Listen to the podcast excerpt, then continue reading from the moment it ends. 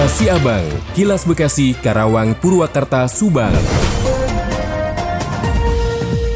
Dari Karawang mengabarkan, Kejaksaan Negeri atau Kejari Karawang menahan dan menetapkan tersangka kasus korupsi pembangunan dam parit berinisial US pada Jumat lalu.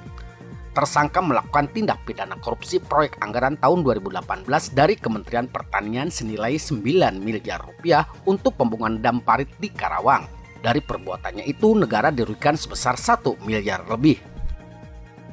Menurut Marta Parolina Berliana selaku Kepala Kejari Negeri Karawang, dirinya membenarkan dan pihaknya telah menahan dan menetapkan tersangka saudari US atas kasus tindak pidana korupsi terkait pembangunan dam. Partai yang didampingi Kasipidsus Karawang menerangkan penetapan tersangka setelah pihaknya memeriksa 172 orang saksi dan 8 saksi ahli. Dari keterangan saksi-saksi itu, tersangka meminta uang pungutan dari bantuan pembangunan dam parit dari dana alokasi khusus atau DAK Kementerian Pertanian yang diberikan kepada 109 kelompok tani di Karawang.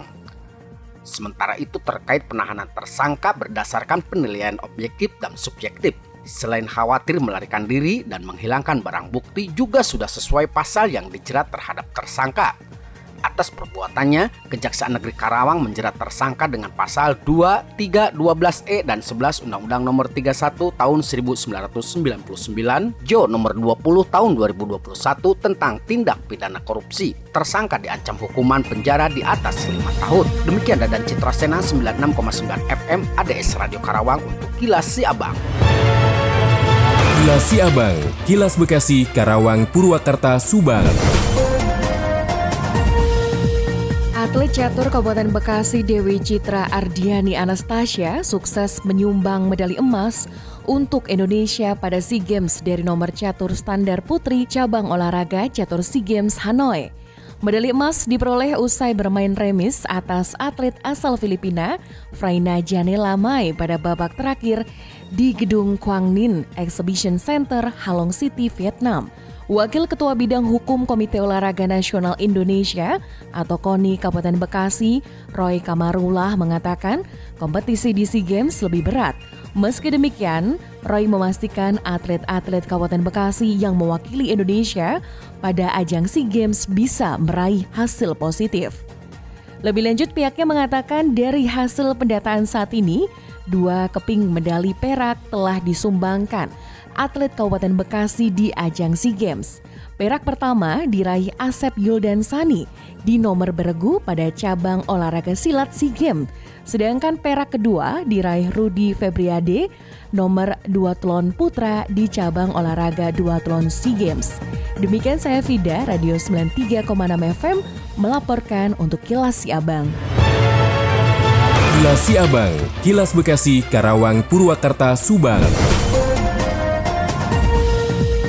Ajang street race yang dijadwalkan dihelat Juni mendatang terdapat sejumlah perubahan. Ajang balap kuda besi itu akan dilakukan secara bersamaan kota dan Kabupaten Bekasi yang dilaksanakan di Mekarta, Kabupaten Bekasi. Otomatis dengan adanya informasi itu membuat venue yang sempat ditunjuk dan mendapat perbaikan di Vida Bekasi tidak digunakan.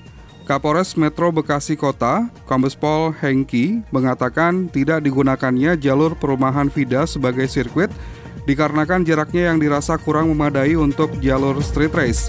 Namun jalur yang sedang dalam tahap perbaikan ini nantinya akan dijadikan sebagai tempat latihan bagi para joki khusus di kota Bekasi. Kilas Siabang, Kilas Bekasi, Karawang, Purwakarta, Subang. Dari Subang dikabarkan, Dinas Pemerintahan Desa atau Dispemdes Kabupaten Subang memastikan tetap melakukan persiapan-persiapan untuk menggelar pemilihan kepala desa serentak atau pilkada serentak di tahun 2023 dan 2024 mendatang. Meskipun di tahun-tahun tersebut ada hajatan pesta demokrasi nasional, pileg, pilpres, dan pilkada. Ketua Dispemdes Subang Dadan Dwian mengatakan bahwa secara jadwal di tahun 2023 ada pilkada serentak untuk 22 desa, tetapi mengingat ada hajatan nasional, pileg, pilpres, dan pilkada pihaknya lihat perkembangan apakah jadi dilaksanakan ataupun tidak. Begitupun untuk tahun 2024, jadwal reguler Pilkades serentak tetap ada untuk sebanyak 165 desa. Karena itu pihaknya tetap melakukan persiapan-persiapan meskipun di tahun tersebut bertepatan dengan pelaksanaan Pesta Demokrasi Nasional. Namun soal apakah jadi dilaksanakannya Pilkadesnya atau tidak, pihaknya akan melihat perkembangan status nanti. Demikian Tika GSP Radio Pamanukan mengabarkan untuk Kilas Si Abang.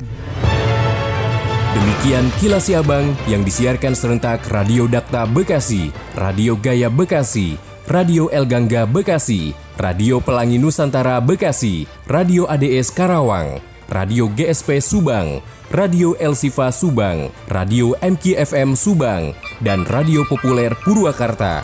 Nantikan Kilas Abang selanjutnya.